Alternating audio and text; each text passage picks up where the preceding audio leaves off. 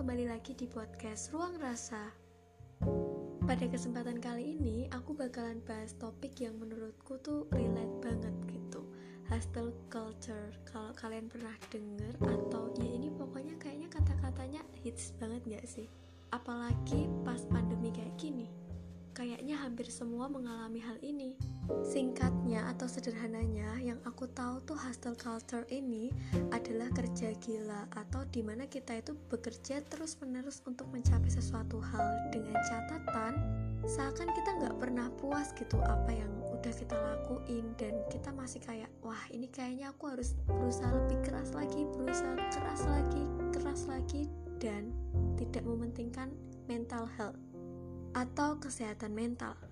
Pernah nggak sih kalian itu nugas atau belajar sampai dini hari atau ya dalam jam-jam yang memang itu bukan jam wajar gitu. Karena memang kalian sedang mengajar sesuatu hal misalnya kalian pengen jadi juara di kelas atau pengen memenangkan suatu perlombaan jadinya kalian kayak lembur terus. Nah bisa jadi kalian ada di posisi kali ini. Pada saat podcast ini dibuat aku membuatnya jam 1 lebih 49 yang mana aku juga belum tidur sama sekali hari ini. Kalau menurut teman-teman sendiri, apakah ini termasuk hostel culture? Kalau dalam kasusku kali ini, mungkin teman-teman ada yang jawab, wah iya nih kamu lagi ada di posisi itu. Ada yang ya wajar-wajar aja sih.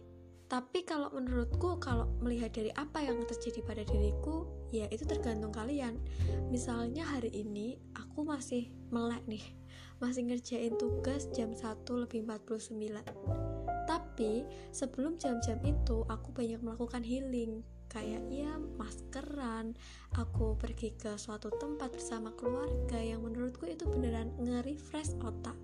Dan pada konteks yang seperti itu nggak bisa disebut sebagai hustle culture. Singkatnya sih ya teman-teman hustle culture tuh ketika kalian kerja dari pagi bangun tidur sampai mau tidur lagi dan pada di penghujung kalian mau tidur kalian ngerasa kayak aku tuh belum cukup bekerja aku tuh kalau kayak gini-gini terus tuh usahaku nggak akan pernah cukup buat ngeraih kesuksesan.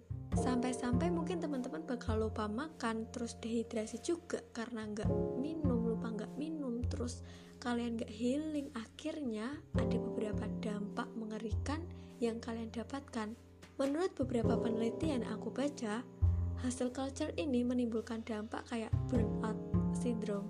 Kayak kalian merasa aduh uh, intinya kayak capek gitu kayak udah meluap-luap kita udah nggak punya kreativitas lagi kita nggak bisa bekerja lagi kita kehilangan keseimbangan dalam bekerja sampai-sampai yang paling parah sih kesehatan mental kita mengalami penurunan. Jadi kita kayak merasa sedih merasa nggak puas dan kehilangan kebahagiaan. Tentu nantinya kita bakal juga bisa merasa demotivasi kehilangan motivasi buat melanjutkan apa yang sebenarnya bisa kita raih. Nah kalau dari aku sendiri aku punya tips nih buat teman-teman yang mungkin saat ini udah habis introspeksi wah kayaknya aku hustle culture deh kalau aku sendiri ya teman-teman, aku percaya bahwa setiap orang itu punya waktunya masing-masing. Entah waktu untuk mencapai keberhasilan atau dalam konteks yang lebih kecil itu waktu untuk menyelesaikan sesuatu.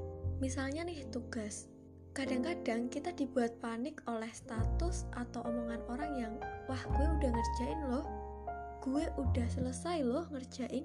biasanya kita akan merasa panik gitu, merasa tertinggal itu hal yang wajar. Tapi cobalah untuk mengendalikan dirimu sendiri.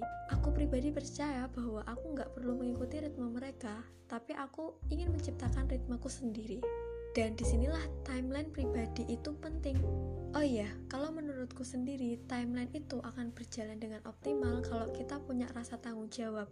Misal nih, di sini aku udah nulis, jam 14 aku healing, jam 15 aku mulai nugas ini hanya pemisalan ya ya udah jam 15 itu aku beneran ngerjain tugas nggak peduli drakor apa yang lagi rilis nggak peduli temen siapa yang baru ngechat atau tanya sesuatu kita harus fokus pada pekerjaan kita. Baru nanti kalau misalnya udah masuk ke timeline yang selanjutnya mungkin fase break kita boleh tuh melakukan hal-hal lain di luar apa yang telah kita tuliskan misalnya nugas itu tadi. Percaya deh itu bakal lebih worth it sih karena dengan adanya timeline itu kita tuh kayak dibuat bersiap-siap dulu. Kita kayak nggak kaget gitu. Kalau yang sebelumnya aku sempet kayak wah temenku udah selesai nih. Aku harus cepet-cepet nih. Kayak aku kaget. Diriku sendiri tuh kaget. Kenapa tiba-tiba nugas? Kenapa tiba-tiba nggak punya ritme? Kehilangan ritme itu sendiri Oh iya, satu tips lagi dariku, aku sekarang juga lagi mulai kebiasaan untuk berolahraga dan itu menurutku sangat-sangat berguna teman-teman. Karena otak juga jadi lebih fresh, terus gak tahu kenapa lebih ketata gitu. Jadi kalian boleh mulai juga loh. Kalian bisa lihat YouTube dan media lainnya buat mulai olahraga. Oke deh, kiranya demikian yang bakal aku sharing. Oh ya, ya sudah aku sharing, oke? Okay? Dan sampai jumpa di episode selanjutnya. See you next time. Bye.